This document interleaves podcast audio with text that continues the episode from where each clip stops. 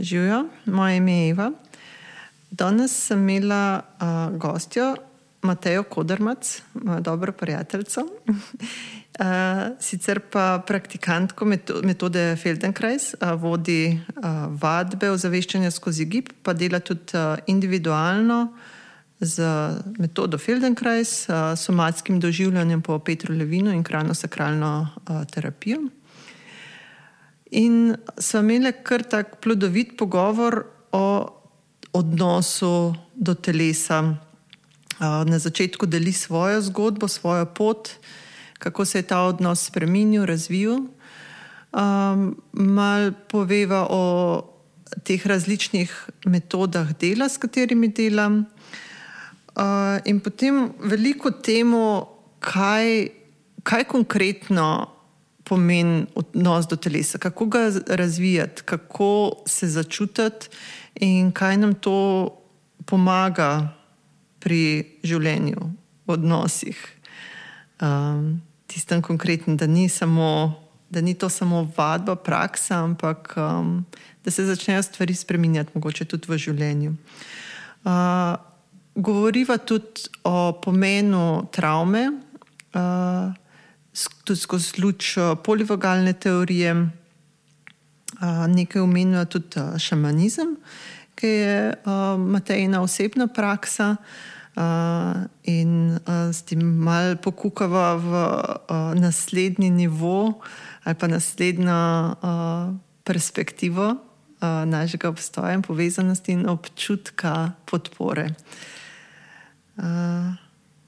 Ja, tako. Tudi, uh, kar je bilo meni uh, zelo všeč v tem pogovoru, je bilo tudi zelo, le, zelo lepo povedala, kaj je to, če si v umu, če, si, če deluješ skozi to, um, ta konstrukt uma, uh, ali pa če deluješ skozi telo. Uh, tako da lepo vabljeni k poslušanju. Uh, in uh, ja, upam, da vam bo všeč pogovor.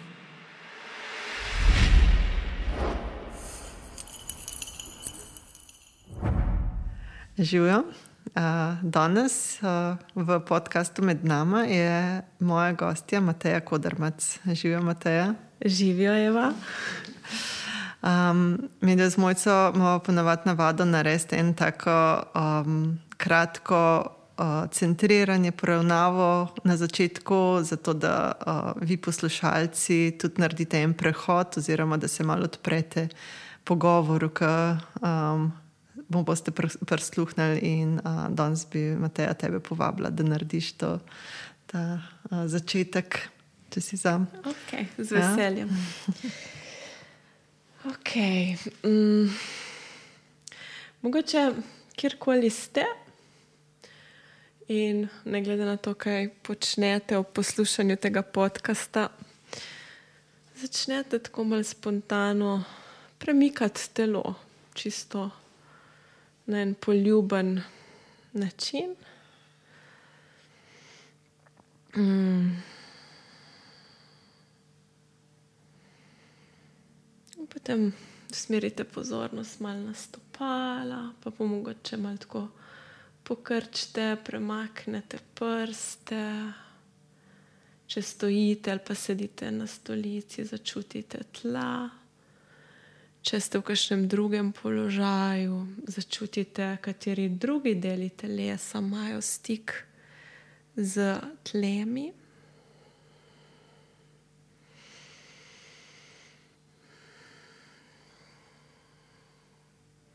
A vas noge podpirajo, stopala podpirajo, ali medenica, bolj če sedite.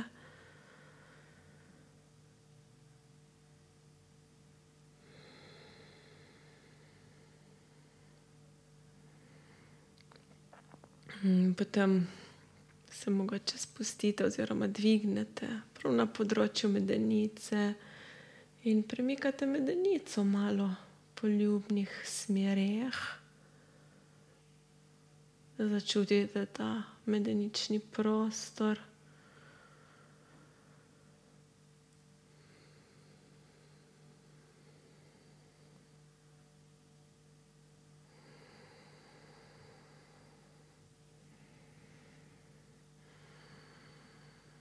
In na to prsni koš.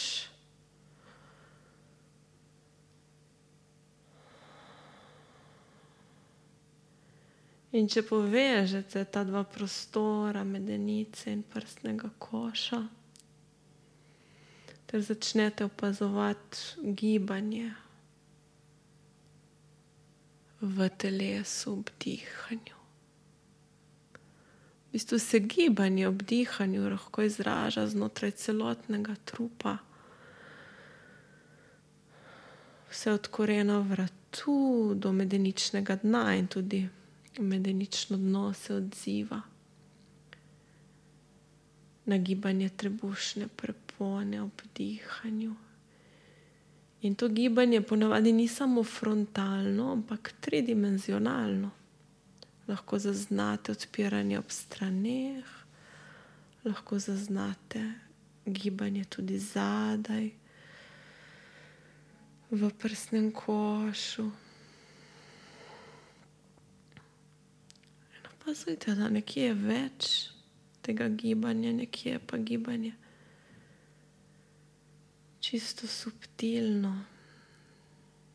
In da se nekaj zgodi, ko usmerimo pozornost na opazovanje diha in gibanja ob dihanju.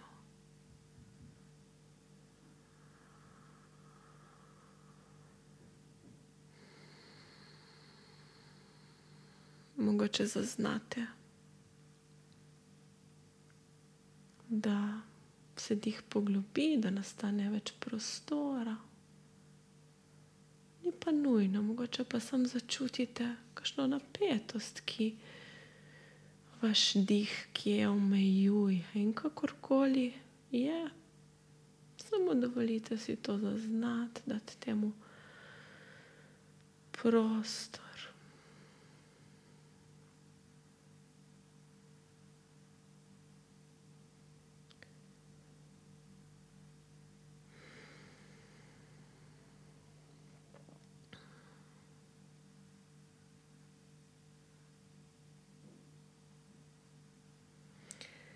In potem poiščete en predel svojega telesa, v katerem vam je prijetno, ali pa če ni prijetno, tako relativno ok.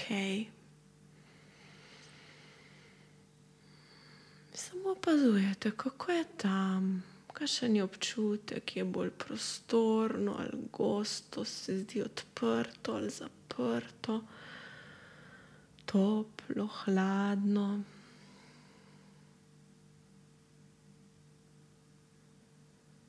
Brez da bi hoteli to kakorkoli spremenjati, samo opazujete.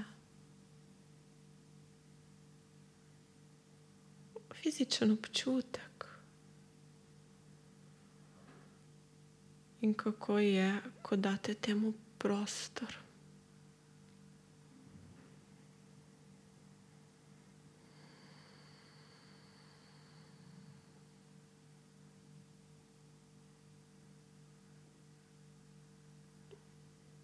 In potem najdete en drugi del telesa, kjer pa mogoče zaznate eno napetost ali pa neudobje, ali pa vam je samo malo manj prijetno. In date prostor temu občutku, brez da ga kakorkoli želite spremenjati, in spet opazujete, ima eno obliko.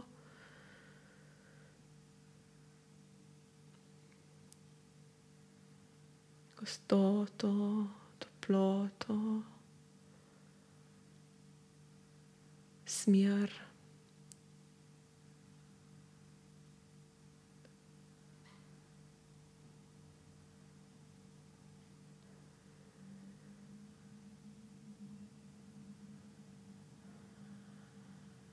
In potem date prostor obema, tema predeloma, oziroma obema obem občutkom. Samo opazujte, če se kaj zgodi, kaj spremeni.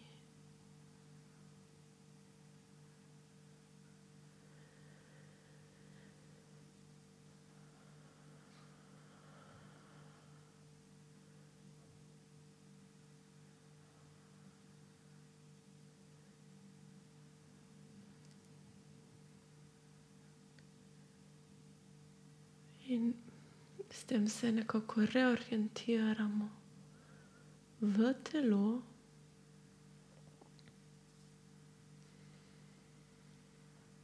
In potem se reorientiramo še v prostor, tako da začnite opazovati prostor okoli sebe, prav konkretno obračate glavo, pogled levo, desno. Opazujete barve, mogoče če ste v domačem prostoru, zaznate kakšen predmet, ki vam je posebej pri srcu, prijeten, šno barvo, obliko in lahko se tam zaustavite za trenutek, opazujete, kako se na to odzove telo.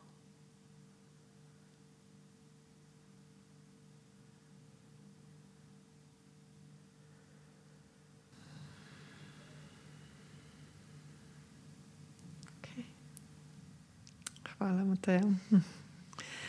Super se mi zdi, da um, je to res uh, dober uvod v, tako, v predstavitev, mogoče tudi sebe, pa svojega dela, mm. res dejansko skozi prakso. Um, ti imaš kar dolgo pot za sabo raziskovanja sebe in uh, telesa, in um, gibanja in življenja. Um, pa da nam malo povej, uh, kako se je začel ta tvoj odnos, oziroma ja, kako se je oblikoval, spremenil odnos s tvojim telesom. Mm. Mogoče je to dobro izhodišče za naprej. Ja, zelo, zelo se je spremenil. Zdi se, da imam zdaj drugo telo. Ampak v bistvu se ni začelo pri telesu, oziroma na začetku telo sploh ni bilo toliko predmet pozornosti vsaj ne direktno. Um, moja pot, v, oziroma zanimanje, hm, ko bi rekla temu, v te različne terapevtske pristope, se je začela predvsem iz velike lastne potrebe. Pogosto je tako. um, tako se mi je zdelo, da sem gimnaziji na eni točki začutila, da je ta klic in da, da edini način, da se ene stvari spremenijo, je to, da, da, da, da se podam na to pot, da, da začnem sama nekaj s tem delati.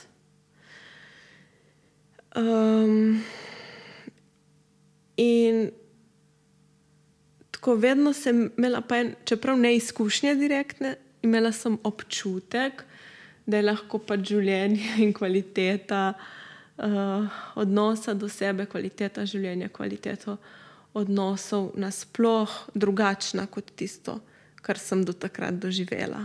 In to je bila, se mi zdi, neka. Neka globoka motivacija, no, ki me, me je nekako um, vodila k raziskovanju. Um, če pa pogledam zdaj na ta odnos do telesa, takrat, seveda, takrat nisem tega tako gledala in nisem doživljala, in se sploh nisem zavedala pomena tega. Uh, me v telesu sploh ni zares bilo. In je bilo telo mogoče tudi nekaj, s čemer nisem imela prijateljskega odnosa. No. Um, ga sploh nisem mogoče slišala in upoštevala, verjetno kot marsikdo, kar nas tega takrat uh, nihče ni naučil. Um, Bo sem se počutila skoraj kot ena lupina strahu. No. Mislim, da je bil strah tisti, prevladujoč občutek v meni. In seveda se je telo oglašalo tudi skozi različne simptome. Uh, sam ja, je bil način razmišljanja in ta, takrat, na, ne vem, mogoče dominantna neka paradigma v dojemanju stvari tako drugačna. mm -hmm. kot je dan danes. In šele zdaj, mogoče, ko govorim mm -hmm. s tabo o tem, začutim razliko, kako dejansko drugačne in koliko orodij, če gledaš, to je mogoče 20 let, koliko orodij imamo zdaj. Ne? Ja, res je, kako se drugače zdaj gleda na, na to. Ne. Kaj bi rekla, da je bilo takrat? Včasih, tebe, ti, si, ti si bila, praviš, da nisi bila, da je bil občutek, da nisi v telesu, ne? ampak ti si bila športnica, um, pa si se pa z jogo um, začela ukvarjati. Je bila joga prva taka pot um, samo spoznavanja? Um, ja, mislim, da ja. Uh, ja, vedno sem v bistvu že od majhnega pač, uh, bila aktivna, ker sem bila uh -huh. tudi iz mhm. take družine, ampak je bilo vedno to na ravni, um, da je treba nekaj trenirati, ja. treba biti v nečem dober. Pa moraš pa dobro smučati, pa moraš uh, dobro to, pa uno, pa tretje. Na tak način ni bilo prav nekega pravega odnosa. Mm -hmm. Je bil ta odnos s telesom bolj kot telo ti pomaga doseči nekaj. Ne? Telo je urodje, ki te lahko pripelje do nekih um, ciljev. Tako, ja, tako. Ja. Sem pa tako, če zdaj pomislim, da sem imela tudi nekih takih simptomov. Pa, recimo, tako mislim, da v gimnaziji, skoraj za vsake počitnice sem bila bolna.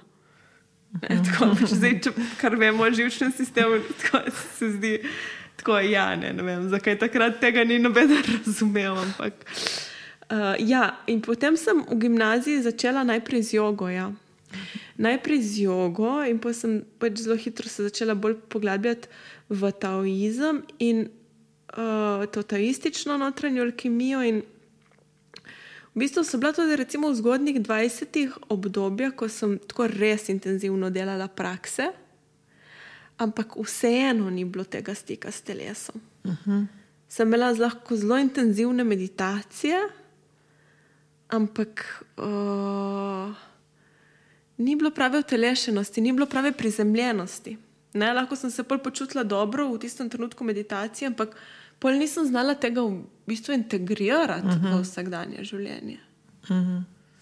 Ja, to si v bistvu dobro povedala. Ne? Kaj je vrednost tega, da pač stvari utelesiš? Ti lahko delaš ne vem, kako prakso, ne vem, super duhovno, ne vem, kar koli. Ja.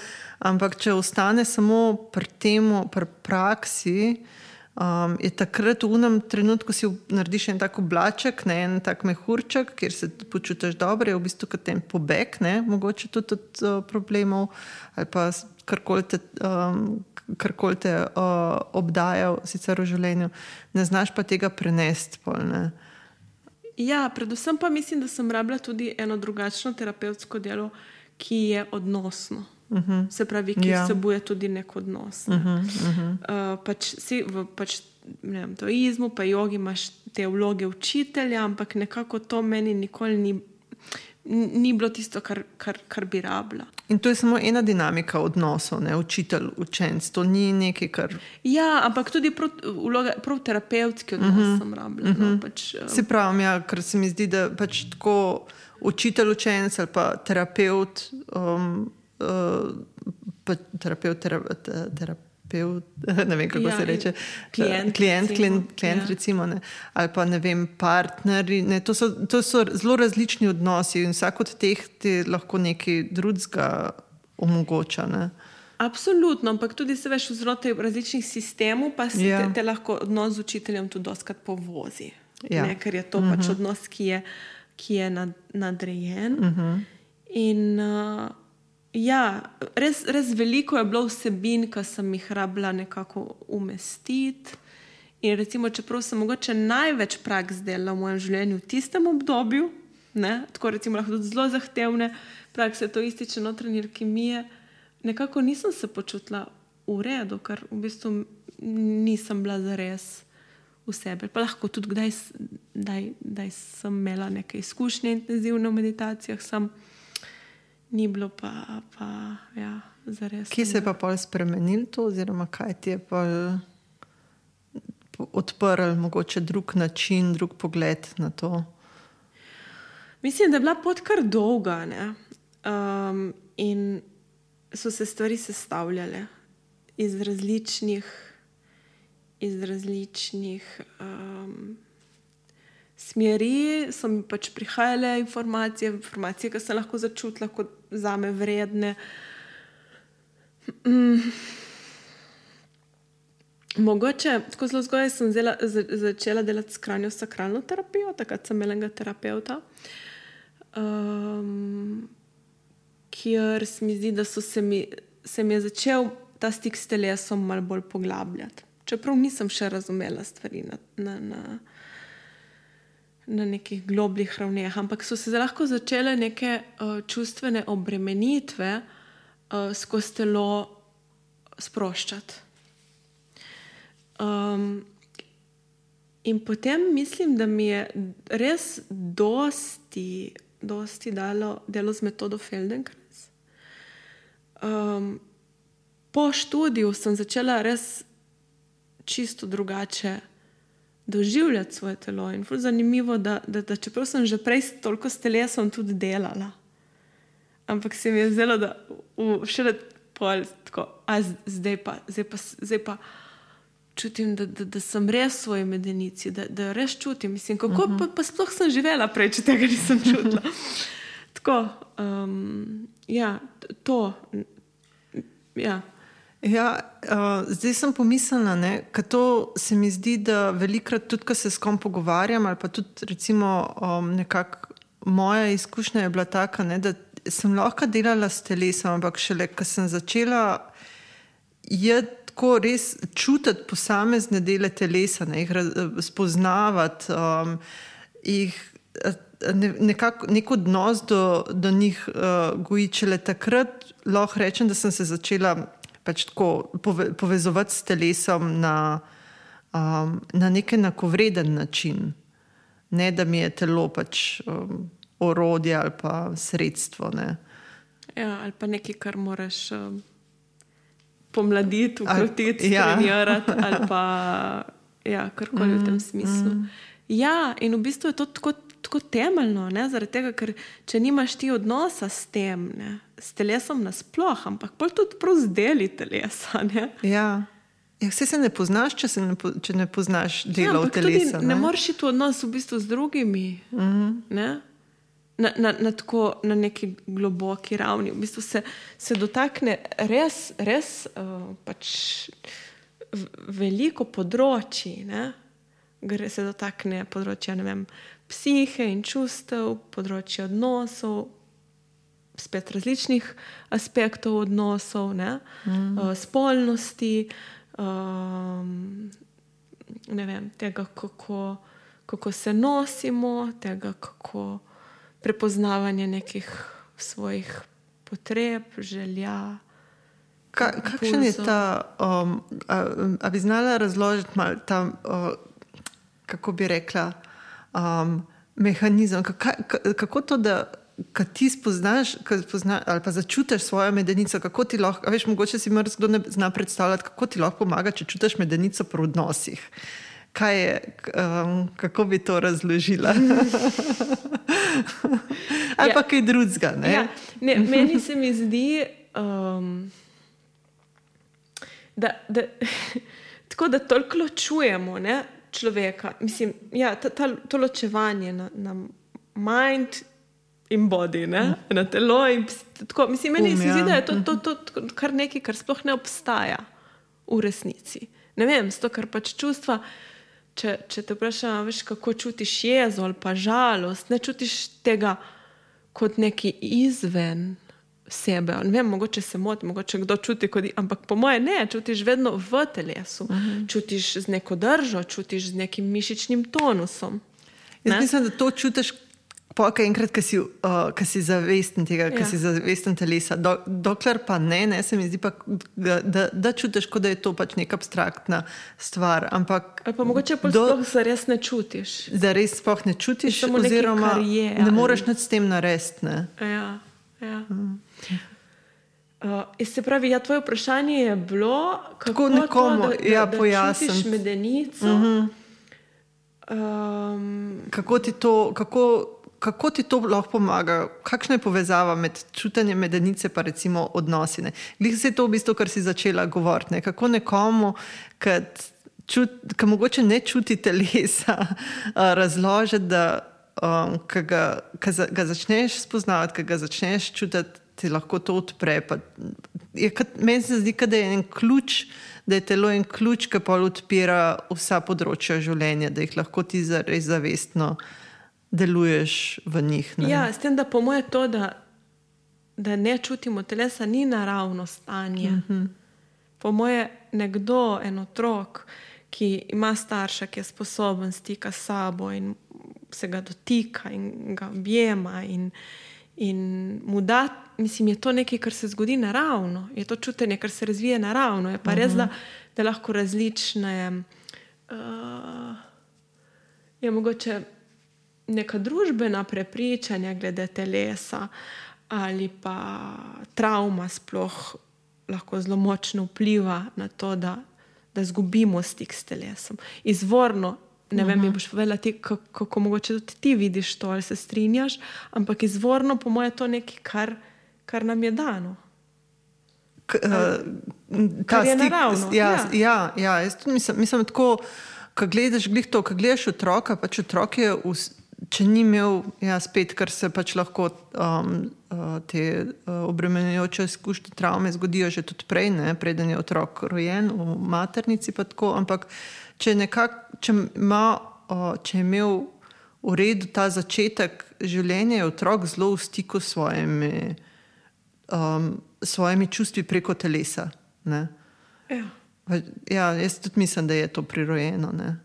Ja, da, da, da je da to, je to naravno stanje. Bolj naravno ja. stanje kot ne imeti. Ja, definitivno. Je, je pač... ja, definitivno. Ampak tako, pač, ko pa pogledamo okrog sebe, ne, pa, mm. uh, na splošno se mi zdi, smo pa kot družba zelo odrezani mm. od tega. Ne. In je, čeprav ni, ampak je tako občutek, je, uh, pa, uh, ja, občutek da pač niti mogoče spomina ni ne, na to, da si nek, enkrat bil v stiku s telesom in se je treba tega na novo naučiti. Mm.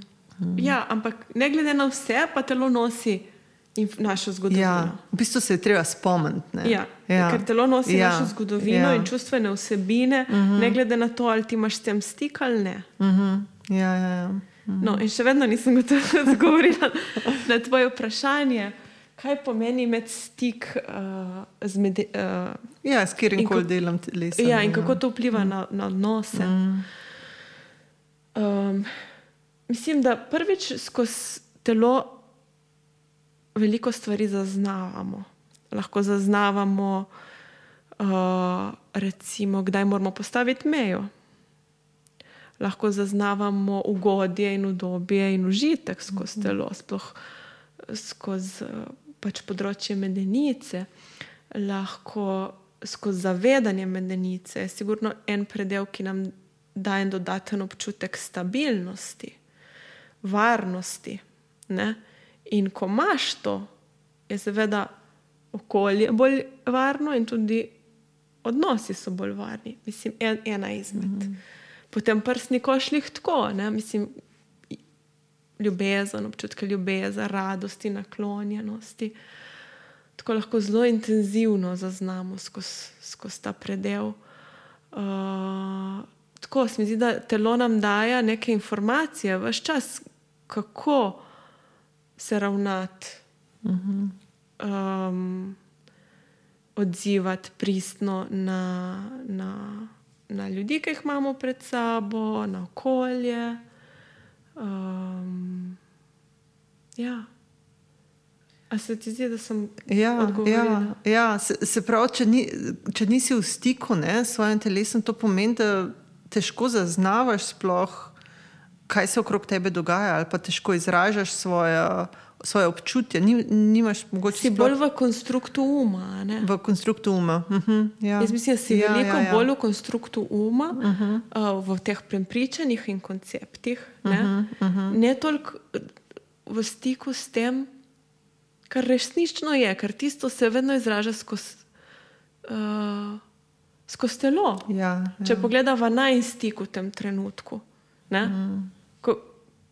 Ko, ko, kako ga čutiš, ne? in kako mogoče bi ga drugače čutile, oziroma ga sploh ne bi na tak način, mhm. -huh. če, če ne bi razvijali tega stika mm. s telesom. Mm. Ja, ker je telo je tudi v bistvu nekako zrcali, ne? uh, zrcali kaj se dogaja okrog tebe.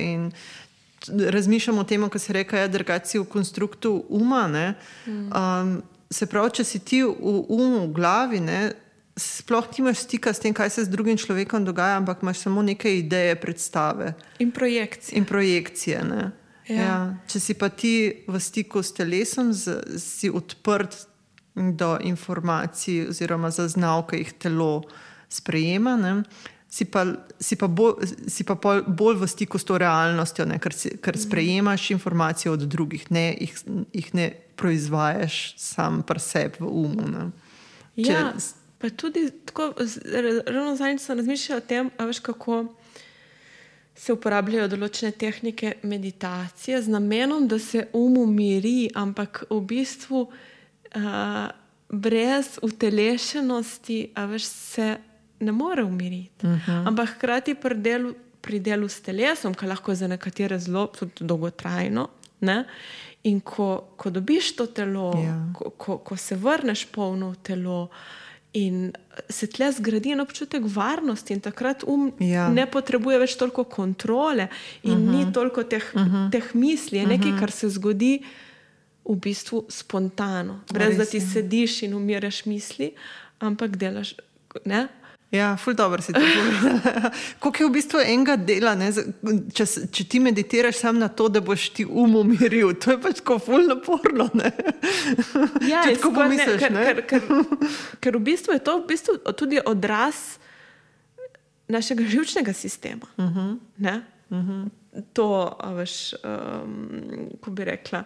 Ti procesi meljenja. Meljenje ja. in to. Uh -huh. In je vedno, ko se zgubi ta stik s telesom. Uh -huh, uh -huh. In koliko se pa lahko nekam usede, ta um. In, okay, zdaj, sem, to, to, te konstrukti uma in projekcije so tudi ponavadi plot nekih preteklih izkušenj. Ne? Uh -huh.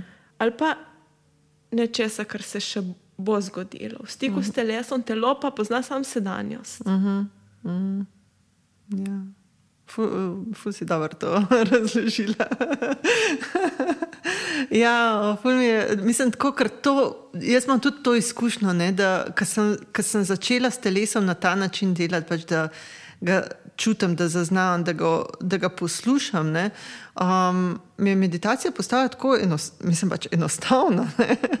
Veš, tako enostavno pa se um, um umiri, takrat, ko jaz začutim, okay, ki imam podlago, ki imam stik s tlemi kako, kako čutim um, svoj telesni center, mm. uh, pod to podporo, uh, prostor okrog sebe, kako se, se pustim širiti v prostor, ne? da sprostim um, napetosti. In pa, pač, ja, pa se tako se umiri. Ne? Ja, v bistvu s takimi preprostimi stvarmi. stvarmi tako, kot si nas ti danes tudi na začetku vodila. Ja, to je en koš, ja. Ja, ja. en takšen delček. Ja. Ja. A, zdaj, ti se, v, kar, se, kar je tvoja trenutna, um, oziroma kaj ti v, vključuješ v svoje delo, ne, je Feldenkrais, a, je a, šamansko potovanje, kranjo sakralno, tudi če nekaj mm. delaš, ne, mm. um, pa to somatic experiencing. Ja, v bistvu tako veliko, mislim, veliko da na Veli kranjo sakralne. Uh -huh uh, Feldenkraisa, pač to somatsko doživljanje po Levinu. Uh, in um, ta del šamanizma je bolj mogoče, ja, tudi en košček tega, kar vključuje, odvisno, glede na odvisno, kaj pač oseba, ki pride k meni, rabi. Uh, ampak to je tudi mogoče bolj moja osebna praksa. Uh -huh, uh -huh. Ali bi malo povedala o teh različnih um, modalitetah, tako da jih uh, mogoče malo bolj spoznamo, kaj, kaj je kaj. Mm. Ja, tako um, krajnja sakralna terapija, metoda Feldenkrais in um, somatic experiencing, to somatsko doživljanje po Petru Levinu.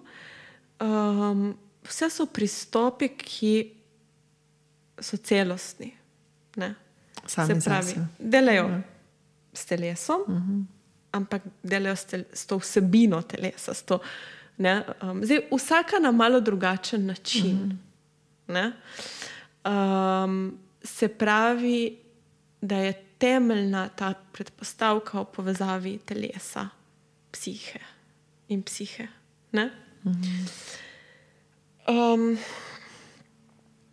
zdaj, tako zelo mi je zadnje čase, tako, ampak tudi meni osebno mi je dala tako veliko enih uh, spoznanj, proti študiju uh, somatic experiencinga. Uh, prav glede tega, kako neke stare vsebine vplivajo na stanje našega živčnega sistema in kako s tem delati, in kako to vpliva na odnose.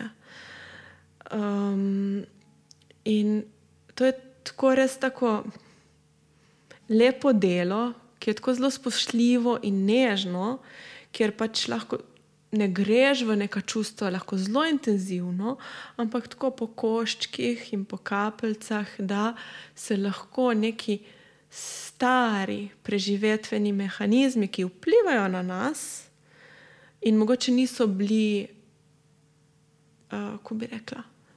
Sprocesirani, speljani skozi telo do konca in ostanejo kot neki traumatični zapisi, kako lahko to, recimo, v sistemu razbremenimo in ustvarimo več neke kapacitete in boljšo regulacijo živčnega sistema. Um, a sem povedala? A to poteka um, kot pogovor, pa z usmerjenostjo na telo? Ja, somatsko doživljanje ja. to po, po, poteka kot pogovor z, z usmerjanjem v različne občutke telesa. Um, in, ampak jaz pol kdaj tudi povezujem in uporabljam neke principe tega uh -huh. v pridelu, recimo, skrajno sakralno terapijo, uh, kjer delam predvsem na, spet na teh somatoemotivnih sprostitvah. Uh -huh. Se pravi, krajno sakralno. Sprostitve nekaj čustvenih blokad. Ja, krajno sakralno terapijo uh -huh. lahko uporabljaš uh, tako čisto strukturno. Ne? Uh -huh. v bistvu, Kot naravnava pač skeleta, ja, recimo. Z, ja, v, v, nek, v nek tako bolj naravno stanje. Uh -huh. um, veš, ko znotraj telesa imamo tako različna neka gibanja, recimo prepona se pre, premika na nek način, v skladu s tem vse organi v trebušni votlini, v skladu s tem medrebrne mišice, medenično dno, uh, ne vem, vratna prepona. Veš, vse to lahko se določeni deli telesa nekako zablokirajo, spet lahko kot posledica nekega dolgotrajnega stresa ali pa nekega traumatičnega dogodka ali pa poškodbe. Uh -huh, uh -huh. Ker se ustvarja neka neravnovesja ne? in pa mogoče na eni strani Tako. bolj skupaj drži. Ja, Kranjo sakralna terapija je v bistvu uh, pride iz osteopatije, uh -huh. s tem, da je pol tle zelo dodan ta del. Um, te somatoemotivne povezave. Uh mhm. -huh. In uh, ja, ali pa lahko delaš pol, se pravi, na nekih fizičnih težavah, ne, ampak se veš, da te fizične težave imajo tudi svoje uh, podplastini, so kar tako random se tam pojavljajo. Um, uh, lahko pa delaš bolj na takih ja, čustvenih ali pa življenjskih, bi rekla, mhm. vsebinah. Um, in klej se zelo lepo pol dopolnjuje, krajno sakralna pa um, ja, somatsko doživljanje. Ja, in v bistvu mm. metoda Feldenkraj je prav tako. Ne, ne vem, tako imajo neke, neke skupne elemente in hkrati vsaka sama zase nekaj doda. Mm -hmm. ne?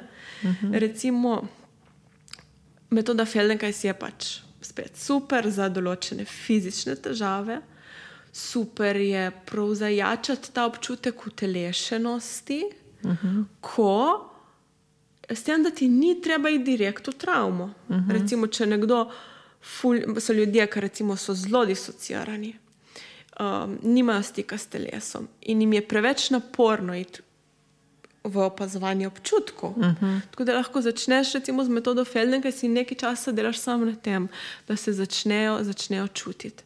Drugače, uh -huh. Metoda Feldnega je zelo na, na biomehaniki telesa. Je v bistvu eno učenje skozi telo, ki se dela v tem individualnem delu manualno, se pravi, kot neka manipulacija, ne vem, če je prav prava beseda, ampak kot neko.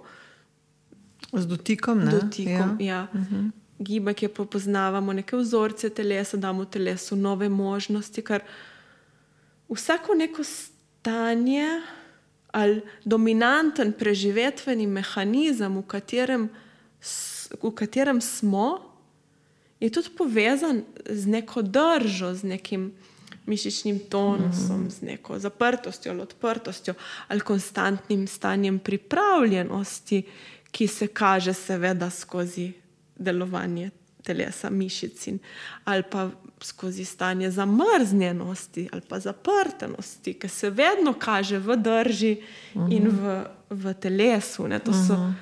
Zato pravim, da se mi zdi po vsem tem tako to ločevanje že tako. Sploh, ja, skep, sploh to prši. Skep, pa prši. Ja. Se vseeno.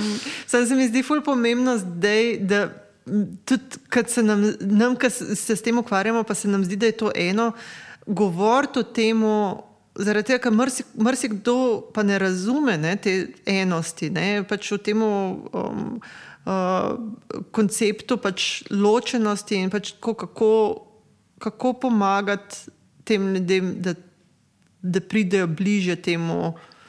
Um, te povezanosti uma in telesa. Ne. Se mi zdi pomembno o tem govoriti tudi na tak način. Ne. Čeprav ja, meni tudi kdaj je težko um, reči, ja, um telo, pač kot dve stvari, ki jih doživljam kot eno, ampak ja, kdo jih pa ne. ne. Telo, ne. Ja. Ja. Mm, ja, ali pa psiha in telo. Mm. Mm. Se pravi. Um, Tvoje, recimo, tvoje individualne obravnave, uh, zaobjemajo vse te stvari, ti to kombiniraš glede na potrebe um, klientov. Ja. ja. Uh -huh, uh -huh. Ja. In ka, kdo pride uh, k tebi? s, kakšnimi, uh, s kakšnimi težavami ali pa s kakšnimi potrebami? V bistvu zelo različno. Um, dosti jih pride ki imajo kakšne fizične težave, te take. Najbolj pogoste. Mm. Pa se mi zdi, v... ne, da je to v bistvu tako zelo dober, uh, do, dobra prva pot noter proti telesu. Pač, ali poškodba, ali tako čist nekaj fizičnega. Sej, to je klic telesa, konc koncev. Ej, poslušaj me. Ja, ni nujno, da je poškodba, da je kaj drugega. Uh mhm. -huh. Pa recimo ljudje poskušajo že ne, vse živo, uh mhm. -huh. kjer ni tega dela prevzemanja odgovornosti, in doskrat se pač te stvari lahko izkažejo tudi za ne vem, samo trenutno učinkovite, in pol mogoče iščejo, iščejo nekaj drugega. Čeprav doskrat je tudi tako, da pride nekdo, pa ima eno težavo in uh, se naredi nekaj, in je pol boljšne. Ni, ni vedno pač enega tega daljšega procesa odvisno, Kašne, ali je to ena taka večja tema za te, ali je samo nekaj bolj površinskega. Uh mhm. -huh. Pol se to odkrije uh, pač skozi delo. Ne? Tako da, ja, dosti je tega. Um, lahko pa pridejo čisto iz nekih, um, ne vem, iz neke, ne vem, da so se nekje zaciklali v življenju, ali pa uh, da bi radi nekaj spremenili, ali pa da bi radi, ne vem, poglobili stik, ali um, ne vem, da čutijo, da, da, da, da, da mogoče določena področja. Uh, ali, mislim, ne delujejo tako, kot bi si želeli. Aha, pridejo tudi tako, da v bistvu iz tega, uh, da želijo. Da, da ni uh, samo fizična stvar, ampak da želijo izboljšati mogoče svoje življenje ali pa svoje odnose. Ja, ali pa so v stiski drugače. Uh -huh, uh -huh. S tem, da zdaj, ko pomislim, je doskrat tako, da recimo pridejo. So ljudje, ki recimo obiskujejo mogoče tudi moje tečaje, pa že tako me poznajo, pa vejo, kaj dela, pa, pa pridejo mm. iz tega. Ker to se mi zdi tako že kar napredno. Ne? Mislim, tako eno tako um, veliko samozavedanje, že, da ti prideš uh, po pomoč k nekomu, ki dela s telesom, zaradi, ne zaradi telesa, ker imaš ti neke bolečine ali pa nekaj, ampak zaradi tega, ker ti veš, da pač preko telesa lahko ti izboljšaš tudi nekaj Jaz življenja. Ne vem, če, imajo, če, če, če je to zavedanje vedno. Uh -huh. veš, lahko tudi, veš, se, ko se je pri somatskem doživljanju, recimo, se to lahko gleda kot nekam, ne vem. Telesno orientirana terapija, ne, uh -huh. kjer pač ti s pogovorom delaš, pač delaš s temi čisto življenjskimi vsebinami. Ne, uh -huh. uh, ne vem, če ja, potem vidijo, da, da, da je to nekaj, kar gre skozi telo, ampak ne vem, če je to. to to že takoj neko vedenje, ki ga imajo. Ne? Uh -huh.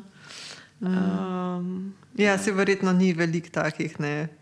Um, ko, če pogledaš, verjetno večina jih pride bolj zaradi nekih fizičnih problemov. Ja, bolečin. mislim, da bi rekel pol-pol. A pol-pol. Ja, uh -huh, uh -huh. ja.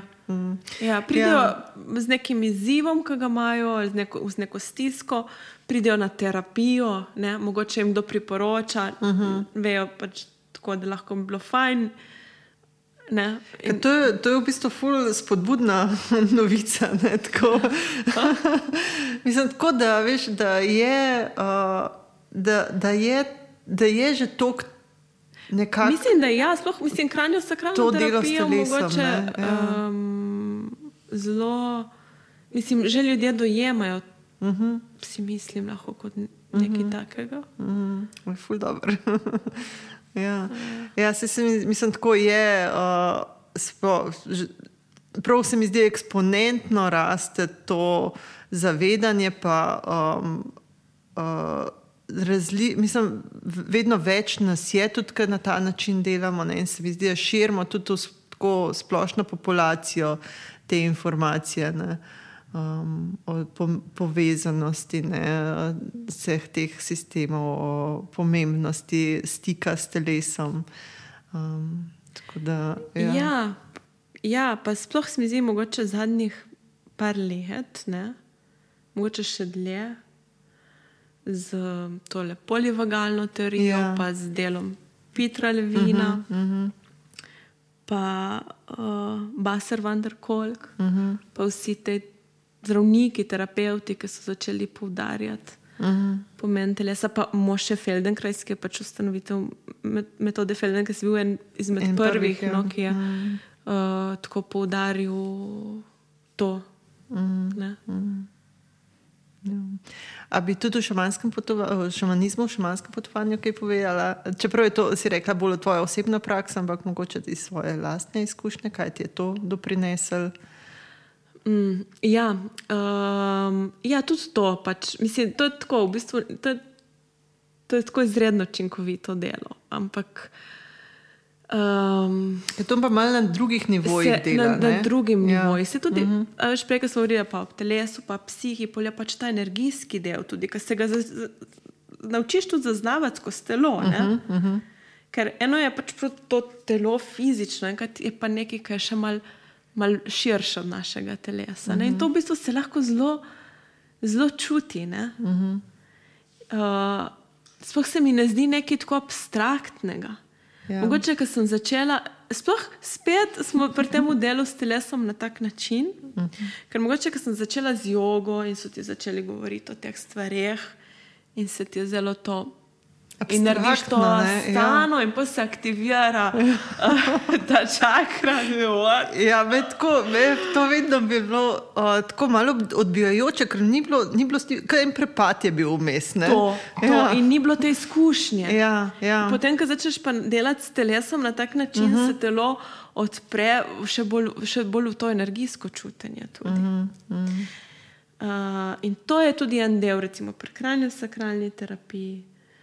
Um, ja. Drugače pa, um, ja, šamanizem mi je prinesel spet en tak uh, zelo pomemben košček. Prav za me osebno, prav neko vedenje o eni podpori, ki jo imamo. Tako, Zdaj- ne podpori, pač Tal. tal. Ne, ja. Ampak podpori nečesa, um, nečesa večjega od nas. Uh -huh. In lih, zdaj, pred kratkim nekaj sem prebrala od Gaborja Mateja, ki je tudi eden izmed teh, ki. ki Ki so razširili malo ne, Ja, ta utelešenost, pa delo s telesom. Ja. ja, Mhm, Ker so um, prispevali k temu, da se je to. Svoje pristope, ki Ja. upoštevajo telo. Uh -huh. Da, te osnovne človekove potrebe. Um, zdaj ne vem, če s- vem, da so pač tri. Ena je potreba po pripadnosti, po smislu in počutenju e- neke oblike transcendence. Uh -huh. In jaz mislim, da je to, to nekaj zelo naravnega uh -huh. v nas, ki se pole spet dobi določene nezdrave oblike v določenih sistemih. Uh -huh. Pač vemo. um, in v bistvu v šamanizmu je tako, da gre za to, da ti dobiš ene informacije skozi določene načine dela in meditacije sam. Se pravi, ta v angleščini se reče direct revelation. Se pravi, ni da jaz grem k nekemu um, ne vem, duhovniku ali pa uno in mi pove, kaj je zdaj za me fajn in kaj naj dela. No? Ampak je ta izkušnja. Šamanizem se je razvijal, v bistvu, je v bistvu najstarejša oblika neke duhovne prakse, ker v bistvu gre samo za eno fulmočno povezanost z naravo in v šamanizmu se dojema vse na nek način kot živo, Živo, ja. in sveto. Uh -huh, uh -huh. Tak, zelo, zelo, zelo, v bistvu os, osnovno, čeprav se lahko zdi nekaj tako. Kuku. Ja, kar, je je- zdaj, kar se zdaj vse pod šamanizem prodaja, ne marsikaj. Ne? Ampak to je, je zelo preprosto, ne za res. Ja, tako da pač, uh, no, in zelo zanimivo, da pač recimo, ne glede na se, se nek šamanizem, uh, nek, neka šamanistična tradicija izvira iz vem, Sibirije ali iz Južne Amerike uh, ali iz nekega drugega predela sveta, je, uh, so neke prakse, imajo neke svoje podobnosti. Uh -huh. ne? Ja. In potem imaš um, pač različne oblike teh šamanskih potovanj, ene se delajo recimo z bobnanjem, lahko uporabljajo tudi določenih medicine, se pravi substanc in tako naprej. Jaz delam to kot meditacijo. Um, zelo, in recimo, ne vem, ali postavim neko namero, eno vprašanje, pri, pri šamanskem potovanju je vedno to pomembno, da postaviš čim bolj jasen namen, ki ga imaš in to zaupanje. In uh, meni mi je dalo to res tako eno ful globljo še povezano z naravo, ne? ker spet skozi sebe dobivaš ne vem, neke informacije, ki so mm. preproste, ampak tako je kot ena nevidna mreža ljubezni, ki te podpira in te nekam vodi. In čeprav se doskrat nam zdi, da, mislim, da, da, da, da stvari, ki se nam dogajajo, dojemamo kot prijetne, neprijetne, oziroma se nam ne zdi, res jih tako dojemamo kot prijetne, neprijetne, dobre ali slabe, ampak v resnici so te izkušnje, tako, če gledam jaz nazaj, najhujše stvari, ki so se mi zgodile, pa vedno izkazale za uh, nekako dobre za me, da so mi prinesle tako tudi veliko nečesa. Ne? Bil kot nek korak na poti. Ne? Ja, Da ni ja. tisto končna postaja, ampak Ja, in tako da doživljam pač vse bolj in bolj to, ko, ko eno to podporo, ki nam je vsem na voljo in jo je res, res veliko. Uh -huh. In um, no, skozi to, ta šamanska potovanja delaš um, z nečim, kar se reče ne vem, nevidna realnost, neobičajna resničnost. Uh -huh. um, Ja, in, in, in pač poskušaš vem, raziskovati različne vire podpore, ali pa potuješ z določenimi vprašanji in dobiš ne, ne, neke odgovore, s tem, da um, veš, tle. Doskrat te odgovori niso take, kot si, ko si jih mi želimo. Ker mi dosti krat si želimo, da nekdo drugi prevzame odgovornost za nas. Uh -huh. Ampak prevzemanje odgovornosti za nas ni ljubezen. Ne? In ta nevidna prav. realnost ja. uh -huh. pa je ljubezen. Uh -huh. Uh -huh. Tako da dobiš informacije, ki so za nas lahko podporne. Uh, Da imaš več o tej uh, odgovornosti, povej, kaj si že prej omenila, pa sem hotela um, te vprašati. Um, kaj, kaj, kaj pomeni biti odgovoren ali pa prevzemati odgovornost za sebe? Hmm. Mislim, da to, da predvsem, da, da, ja, da ko zaznamo, mogoče, da, da, da smo v stiski, da imamo ene določene izzive, da pač s tem nekaj naredimo. Ne? Da ne okrivimo nekoga drugega. Ja, ja. Da, se, ja, ja, to, da se spremljamo, da, da, da sami nosimo svoje odločitve. Uh mhm. -huh. Ker to ne pomeni, da ti prevzemaš krivdo, ampak.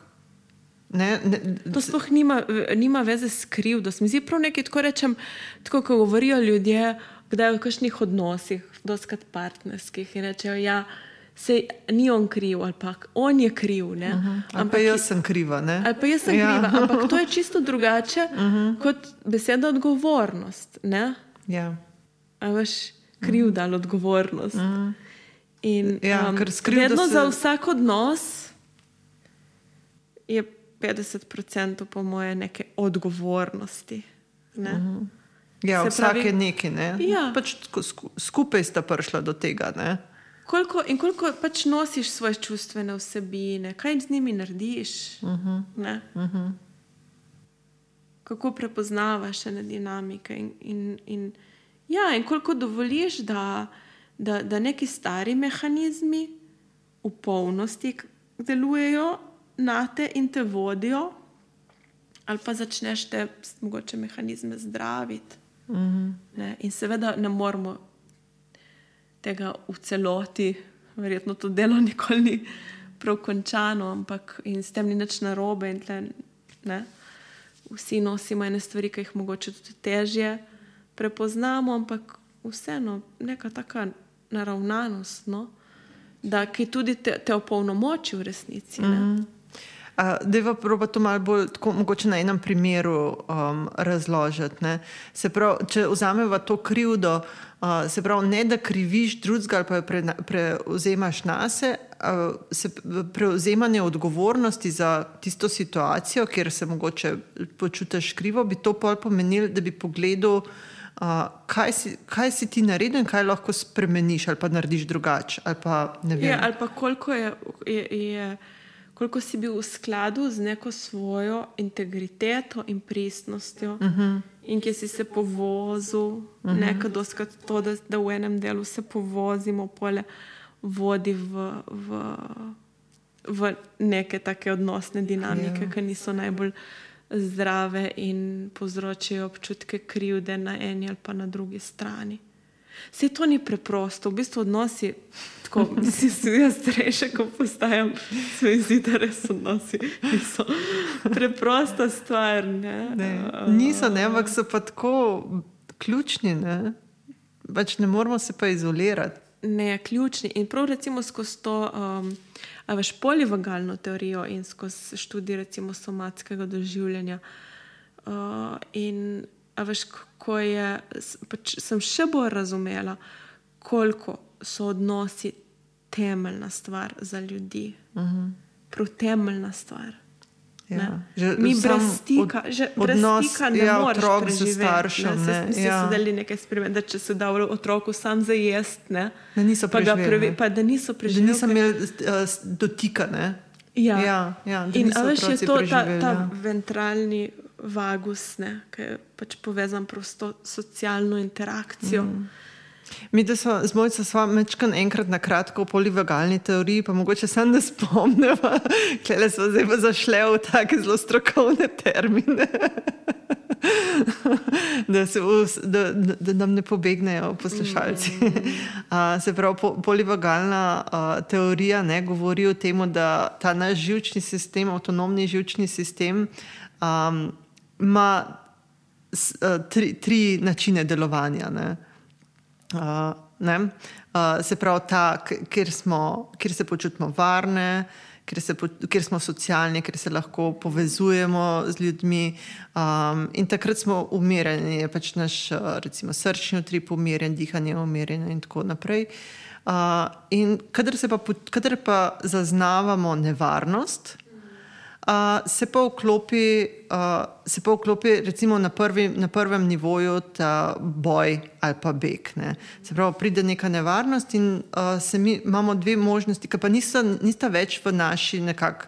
Um, pod našo zavestno odločitvijo, ampak je ta avtonomni, samostojen živčni sistem se odzove glede na pač pretekle izkušnje, ne, kako je navaden, kaj mu to, ta nevarnost pomeni. In se lahko odzove tako, da se ti reagiraš na to, se boriš proti temu, ali pa zbežiš, ne, se umakneš. Pa je pa ta, ta tretji, ja, pa, če pa to ne deluje, ponavadi ne gre po stopnjah. Mm. Um, se pravi, če pa to ne deluje, če pa nimaš izhoda, če se ne moreš ti um, aktivirati uh, za boj ali pa za beg, mm se pa zamrzneš, ne? se pa izklopi. Ja. S tem, da je v bistvu ta naživčni sistem še vedno isti, ja, ja. čeprav živimo zdaj v tej moderni družbi, isti kot ko smo živeli pa čisto v naravi. Uh -huh. Ali pa kot ga imajo živali. Ne? Ja, s tem, ja. da zdaj je toliko, toliko več impulzov, konstantnih impulzov. Ne? In to je tisto, kar sem tudi govorila prej. Recimo, če si imel ti nek neko situacijo v življenju, kjer nisi imel prav zmožnosti, kapacitete se soočati z njo.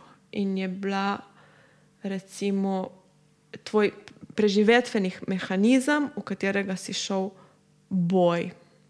Uh, ampak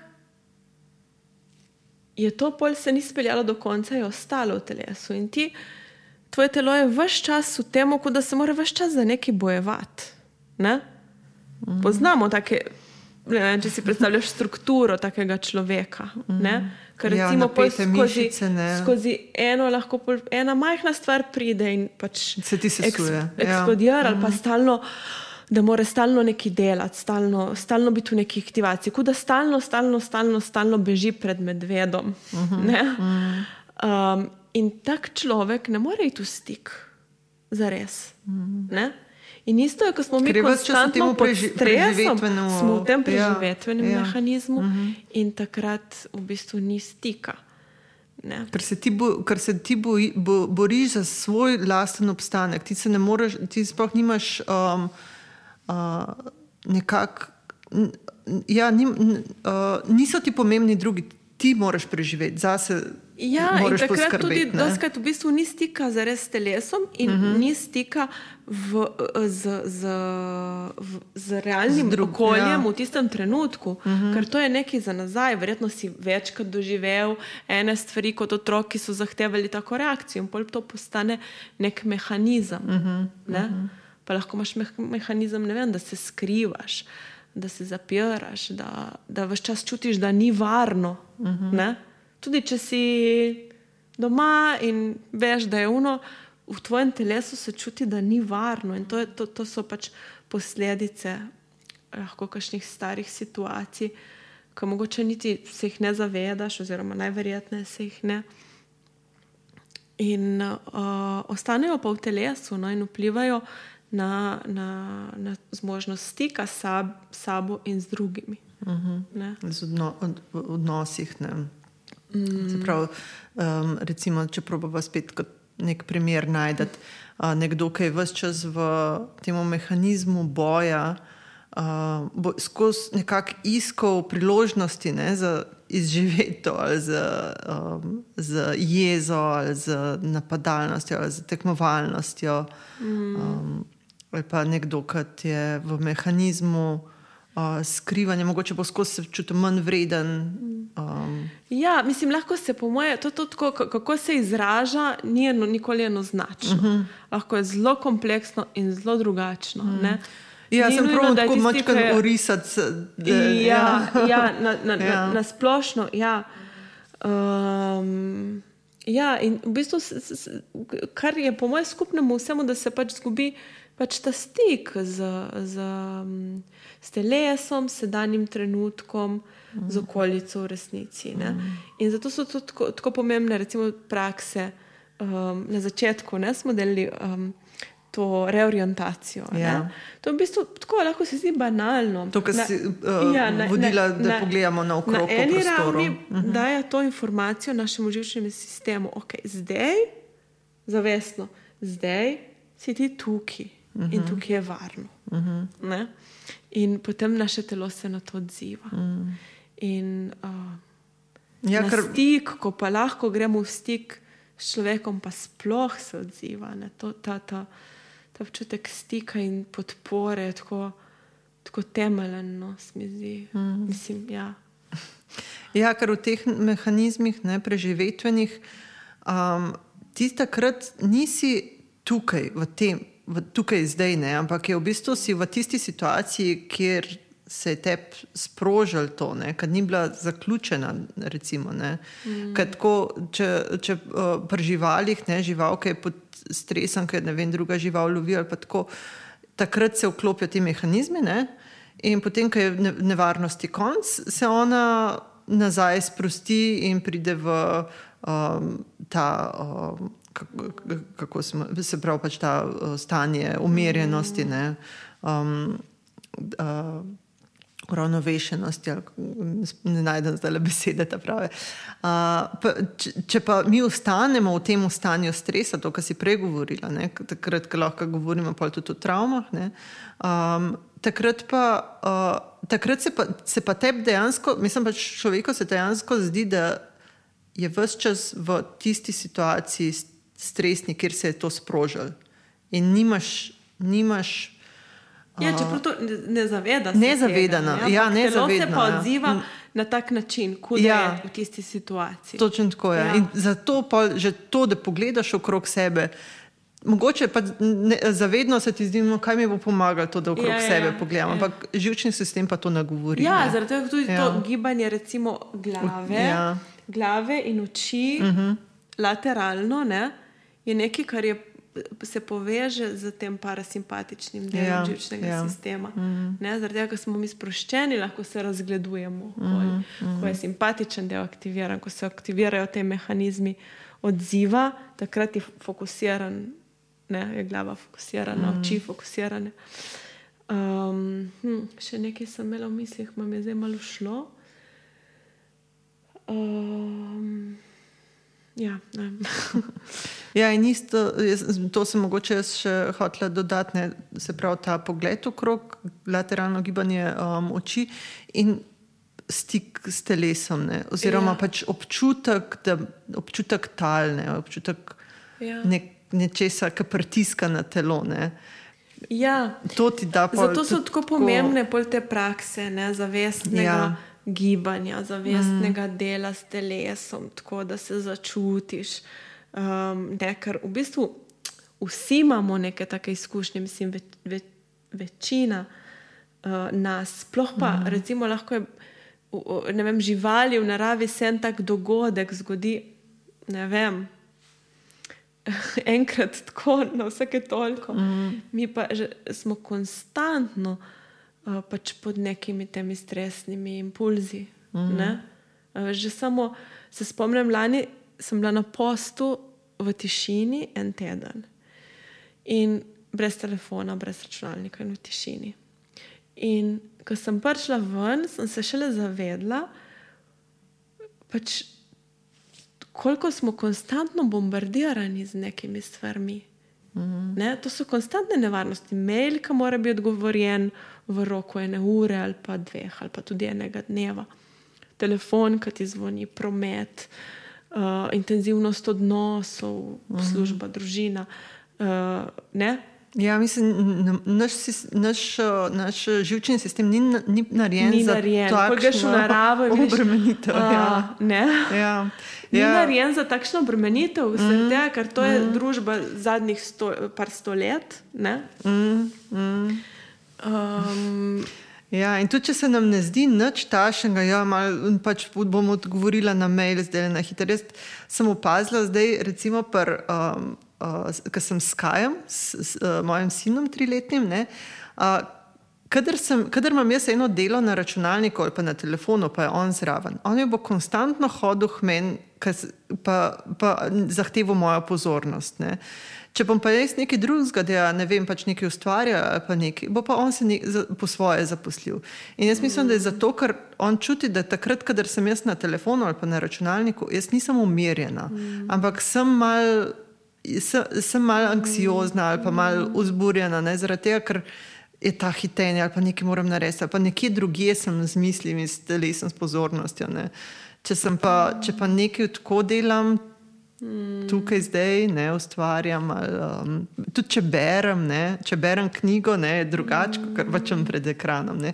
Vidim, kako se on drugače odziva ja, na to. to, sigurno. to, to je nekaj, kar danes vemo, no, da, da kako se recimo Ti majhni veš, pa otroci. jaz vem, veš. Ja, ampak dosti bolj recimo, je razširjeno, kako ja. Ja, se majhni otroci ja. uh, odzivajo na, na stanje živčnega mm. sistema starša in koliko lahko tle starši naredijo pri sebi. Doskrat se pol vozijo otroke na razno razne zadeve, ampak v bistvu nima veze. Ja. Pač moraš, ne. Presep, ne, A veš, pre- tudi ja. razni te, um, ne vem, lahko trme in odzivi otrok. Vse ja, so uh -huh. lahko povezane z neko določeno fazo, ampak tudi doskrat, recimo, mislim, če vabim starše v opazovanje, no, kako se otroci odzivajo na to, kako so oni. No. Ful, Ja, in koliko se zavedajo, res, ja. kako so. Mm -hmm. To, mm -hmm. to zavedanje mm -hmm. naredi neko spremembo. Mm.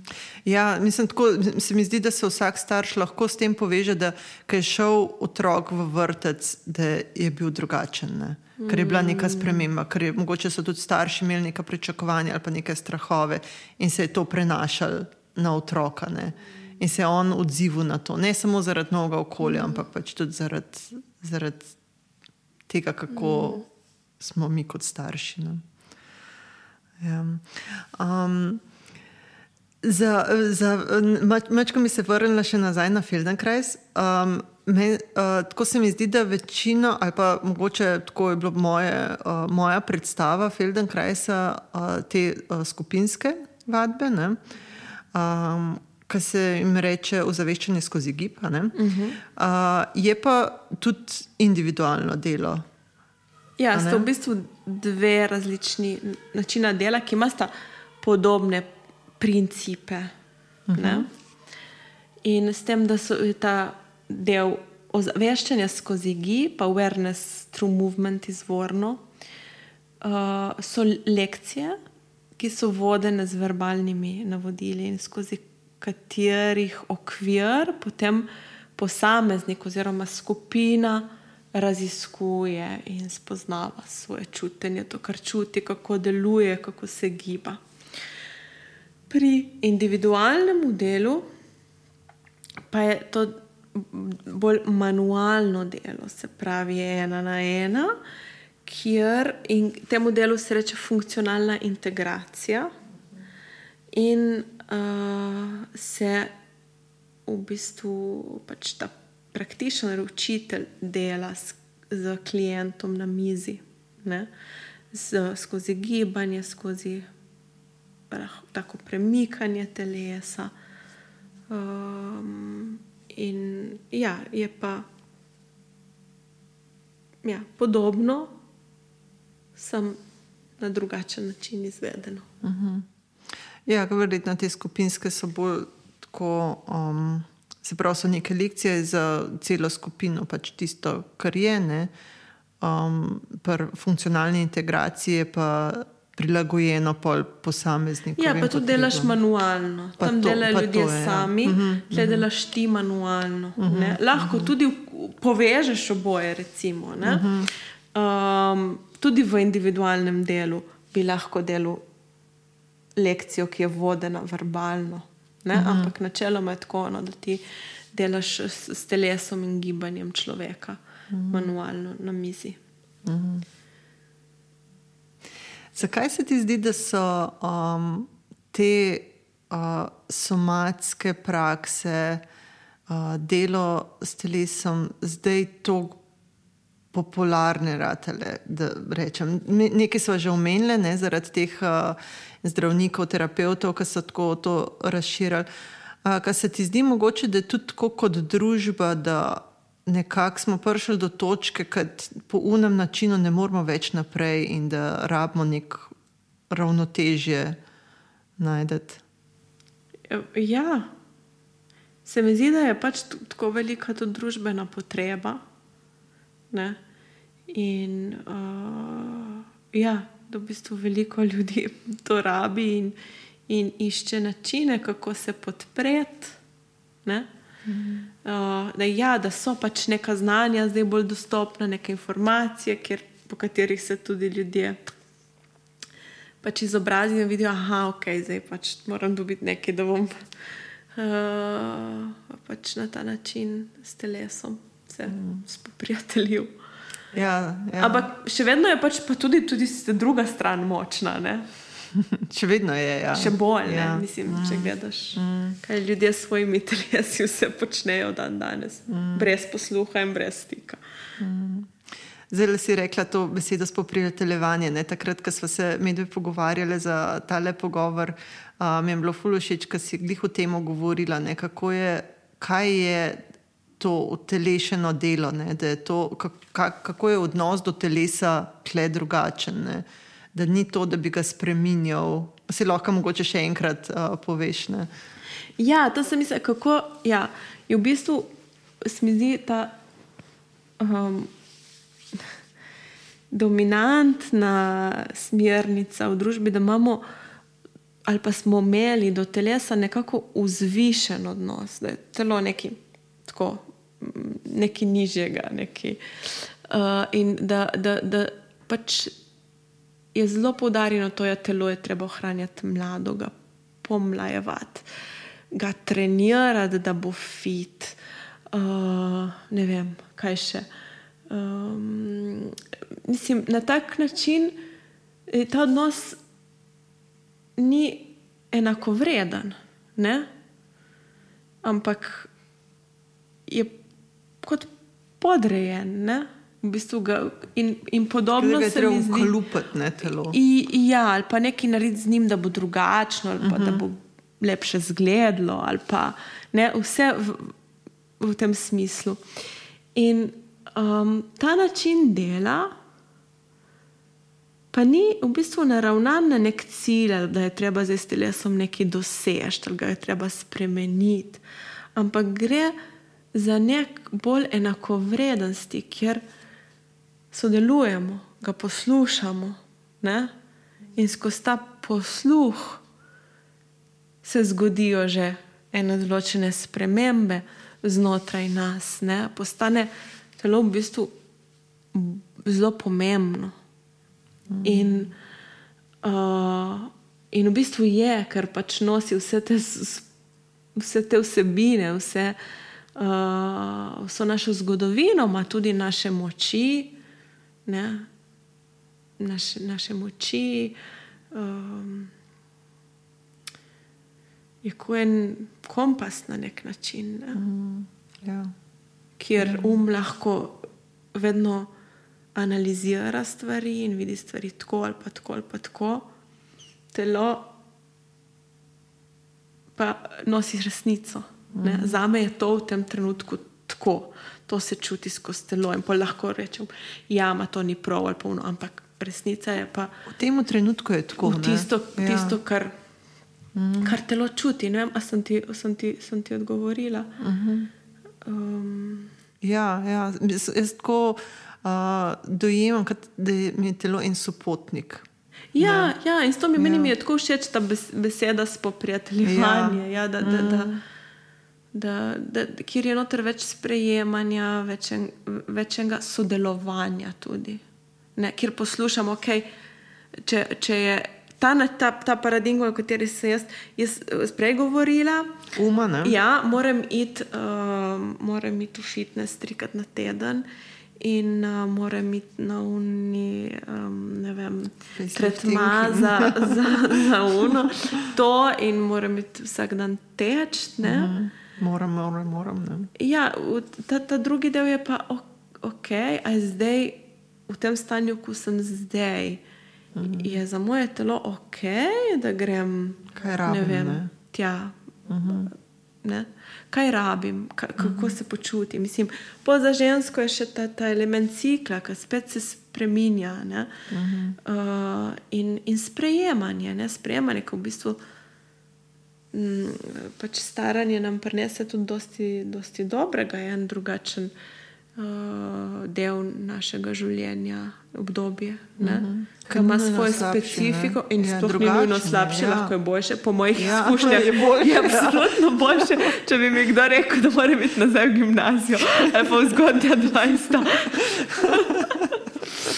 In tudi, ja, tudi pač tako, čist fizično in pomoči bi rekla, da, da, da, je, da je boljše. Zdaj, jaz mislim, da je to pač tudi plot Ja. tega narejenega. Mhm. To, ja, to, kar si naredila. Ne, kar Ja, si, ja, kar ni vedno, veš, še vedno pridejo uh, obdobja, ko, ko, ko te stari vzorci mogoče prevladajo, pridejo na dan ali pa mm. se oglasijo kakšne pač te rane. In, ja, ampak vseeno mi, po drugi ravni pa ja, toliko kot se lahko imamo, ne, za res. In koliko smo lahko v sebi, in koliko se lahko čutimo, in koliko smo lahko v stiku, pa se lahko zelo spremeni uh, skozi ta način dela. ja, super, mislim, da smo lepo prišli na okrog. um, Dej povej, kje, lahko, kje te lahko najdemo, kaj delaš. kje? Um, ja, pač dosti stvari dobite na uh, informacije na moji spletni strani, kje? matejakodrmac.si. Um, individualno delam v Novi Gorici in v Ljubljani, in skupinske tečaje imam pa na spletu in v Novi Gorici. In uh, ja, zdaj, konec septembra, pripravljam kar nekaj takih odprtih um, dogodkov. Uh, ena je ta spletna varianta odprtih ur, kjer v bistvu lahko res poskusiš, pos, poskusiš uh, ta učinek tega dela, to je specifično z metodo Feldenkrais, uh, kjer bomo imeli dva tedna, osem lekcij, nekaj po posnetkih, nekaj v živo preko Zuma, tako da začutiš, kaj, kaj ta somatski način dela, kaj ti lahko prinese. No. Seveda je pač to ena plast, glede na, um, na potrebe, recimo, ki, ki jih imamo, ampak se mi zdi, da je lahko dober, dober začetek no, za tiste, ki še ne poznate. Mhm. Super. Pa imaš pa še delavnice, ne? um, Feldenkrais in ples, ki imata I- skupaj z Andrejo Kranc. Ja, z Andrejo imamo te delavnice, ker povezujemo delo z metodo Feldenkrais, se pravi. Um, to somatsko delo, gibanja in čutenja, ki je pač tako bolj vodeno, in potem enega svobodnega plesa, kjer imamo ta element spontanega gibanja, ki je v resnici uh, tako pomemben, mm -hmm. ker lahko izrazimo uh, sebe skozi telo, tako da se mi zdi, da je res taka fajn kombinacija, kjer en del podpira drugega, no, ples in metoda Feldenkrais. Uh, tako da, ja, to, pa še par drugih stvari uh, tudi pripravljam, uh, drugih oblik delavnic, ampak to je še tako v. Uh, ni še prav, Še zori. roko- še zori. Tako, Ja. tako je. Um, ja, se pravi, na spletni strani te lahko najdejo. Facebook, verjetno tudi, ne Instagram. Tudi, ja, Ja. to vse, ko je bom, treba. bom dodala linke od spodaj pod epizodo. Ja, hvala. pod dvomom. Ja. Ej, hvala, Mateja. Hvala tebi, Eva, za povabilo. Ja, se mi zdi, da je bil zelo tak um, uh, poučen, plodovit pogovor. Mislim, da smo ene stvari kar lepo um, nagovorile, razjasnile. Hvala ti. Ja, tudi meni je bilo tako res, res prijetno. Zvedajo se, kako dragocen je tvoj čas in so ti ful hvaležni, da ga preživljaš z nama. Te vsebine pripravljava z veseljem, pa vendar nama celotna produkcija vzame kar precej časa. Zato si res želiva, da doseže čim več ljudi. In pri tem nam lahko pomagaš, tako da pustiš svoj odziv. Če naj jo poslušaš na iTunesih, pusti svoj komentar in oceno. Prav tako lahko oceno pustiš na Spotifyju. Sicer pa se nam oglasi v sporočilu na Instagramu ali pa Facebooku, pusti svoje komentarje pod objavami. Ali pa deli s prijatelji in naj od tega v objavah, kjer naj jo deliš. Hvala.